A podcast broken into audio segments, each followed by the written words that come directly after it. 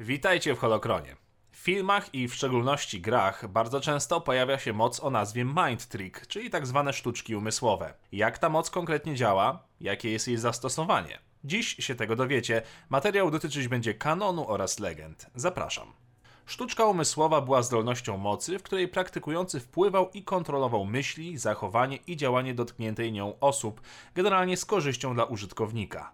W erze Wielkiej Republiki umiejętność ta była częściej określana jako dotyk umysłu. Użytkownicy ciemnej strony stosowali odmianę tej mocy zwaną kontrolą umysłu. Używając sztuczki umysłowej, praktykujący na ogół przyjmował sugestywny ton głosu i używał charakterystycznego gestu, machając ręką przed twarzą celu.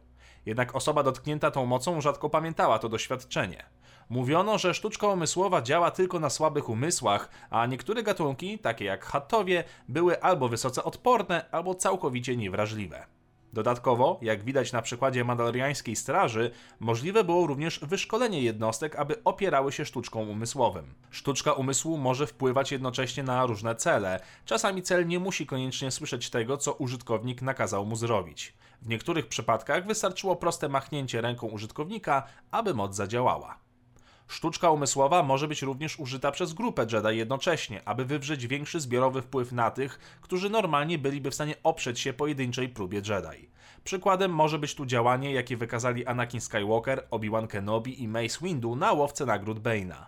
Wykazano jednak, że koncentracja i próba zmuszenia silnego umysłu do współpracy groziła uszkodzeniem lub nawet zniszczeniem umysłu podmiotu, a Bane doświadczał przytłaczającego bólu podczas próby wpłynięcia na niego przez trzech Jedi. Niektórzy użytkownicy mocy, chociaż głównie użytkownicy ciemnej strony, tacy jak inkwizytorzy czy na przykład Kylo Ren, byli w stanie włamać się do umysłu innych i wymusić uzyskanie informacji od więźniów, chociaż jednostki wrażliwe na moc i inne silne psychicznie osoby mogły się temu działaniu potencjalnie oprzeć. Technika ta była uważana za odmianę sztuczki umysłowej, wykorzystująca wrodzoną telepatyczną naturę zdolności do głębszej interakcji i wpływania na umysł podmiotu.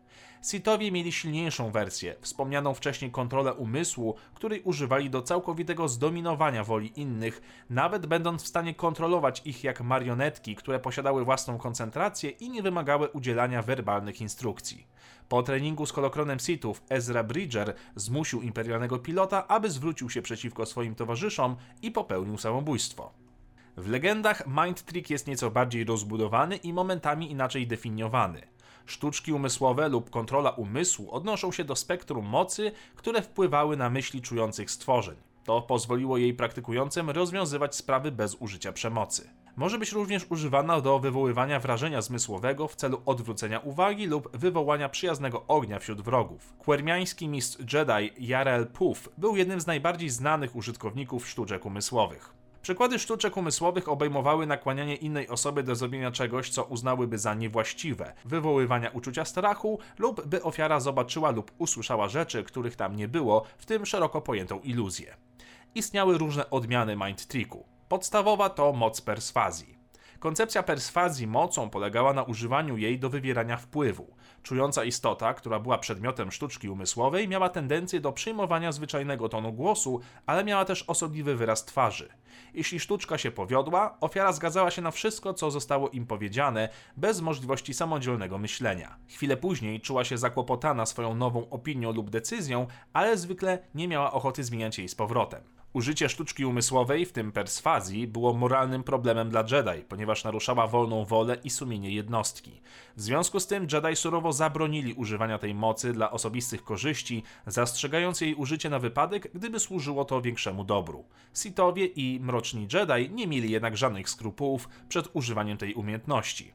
Moc ta wymagała pełnej koncentracji użytkownika. Zmartwienie czy wątpliwości w to, czy i jak zadziała, moc mogła spowodować niepowodzenie. Druga odmiana to wywołanie zamieszania. Była to bardziej zaawansowana technika, którą można było wykorzystać w walce, aby tymczasowo manipulować wrogami. Było to szczególnie przydatne, gdy miało się przewagę liczebną i było szybsze w użyciu niż wpływanie na pojedyncze umysły w ogniu bitwy. Moc strachu to trzecia odmiana sztuczek umysłowych. Moc strachu była mocą ciemnej strony, używana już na 4000 lat przed rokiem zerowym. Użytkownik uderzał bezpośrednio w najgłębsze części umysłu celu, powodując niekontrolowany strach i lęk, który siał spustoszenie w umyśle, powodując całkowitą utratę odwagi i praktycznie zostawiając cel bezbronny i sparaliżowany. Jedi jednak czasami używali tej mocy, aby rozładować potencjalnie niebezpieczną sytuację. Na przykład Luke Skywalker użył tej mocy podczas przygody w dolnych poziomach Korsent, aby chronić siebie i swoich towarzyszy podczas kryzysu koreańskiego. Moc strachu miała również jeszcze swoje dwie odmiany. Pierwszy wariant to horror mocy, drugi zaś to szaleństwo mocy. Horror umożliwiał użytkownikowi spowodowanie, że wielu wrogów wejdzie w katatoniczny stan paniki, który był poważniejszy i trudniejszy do obrony niż podstawowy atak umysłowy. Szaleństwo zaś umożliwiało użytkownikowi wpływanie na wielu wrogów jednocześnie, tyle że na jeszcze większy zasięg niż jego poprzednik. Najbardziej zaawansowana forma miała znacznie bardziej niszczycielski efekt. Ofiary popadały w całkowity stan szaleństwa i obłąkanej manii, która najczęściej kończyła się nieodwracalną destrukcją ich umysłu. Kolejna odmiana to zepsucie mocy, umiejętność należąca do wachlarza ciemnej strony. Moc ta mogła tymczasowo manipulować umysłami innych istot i sprawić, by służyły naszej sprawie. Podczas galaktycznej wojny domowej była używana m.in. przez Mary Jade i samego Palpatina. Przykładowo przejmował on kontrolę nad wrogimi żołnierzami i zmuszał ich do służby w Imperium, atakując inne wrogie jednostki. Mind Twist, co przetłumaczyć możemy na skręcenie umysłu, było z kolei ciekawą techniką opracowaną przez Dagena Locka, w której to użytkownik mógł wtargnąć do świadomości innych i przekręcać ich postrzeganie rzeczywistości. Kolejna moc to iluzja mocy. Była to bardzo potężna umiejętność, która pozwalała na projekcję obrazów w umysłach ofiar od słupa ognia do hordy warczących potworów, aż po flotę okrętów wojennych, w zależności od zasięgu. Znaną odmianą iluzji mocy była maskarada. Maskarada umożliwiała użytkownikowi projekcję obrazu w umyśle ofiary, zasadniczo maskując wygląd używającego mocy. Sithowie potrafili wyczarować widzialne, realistyczne projekcje astralne wszystkiego, czego zaklinacz pragnął za pomocą magii Sithów. Iluzje zniekształcały wszystkie zmysłowe percepcje jednostki i tylko poprzez koncentrację na mocy jednostka była w stanie postrzegać je jako fałszywe. Na koniec mamy jeszcze projekcję mocy. Ta tajemnicza zdolność była prawdopodobnie odmianą iluzji mocy.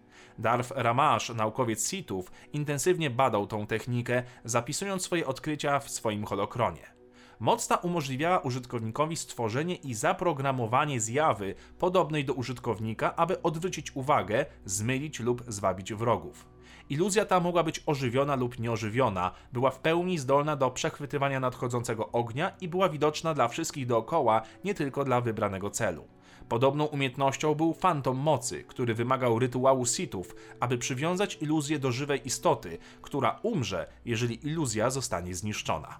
I to tyle w tym temacie. Jeżeli chcecie, bym omówił jakieś inne moce, to dajcie znać w komentarzach.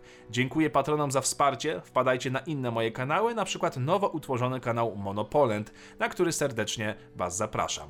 A teraz zlajkujcie ten materiał i napiszcie komentarz. No, chyba że jesteście chatami, ale warto było spróbować. Niech moc zawsze będzie z Wami.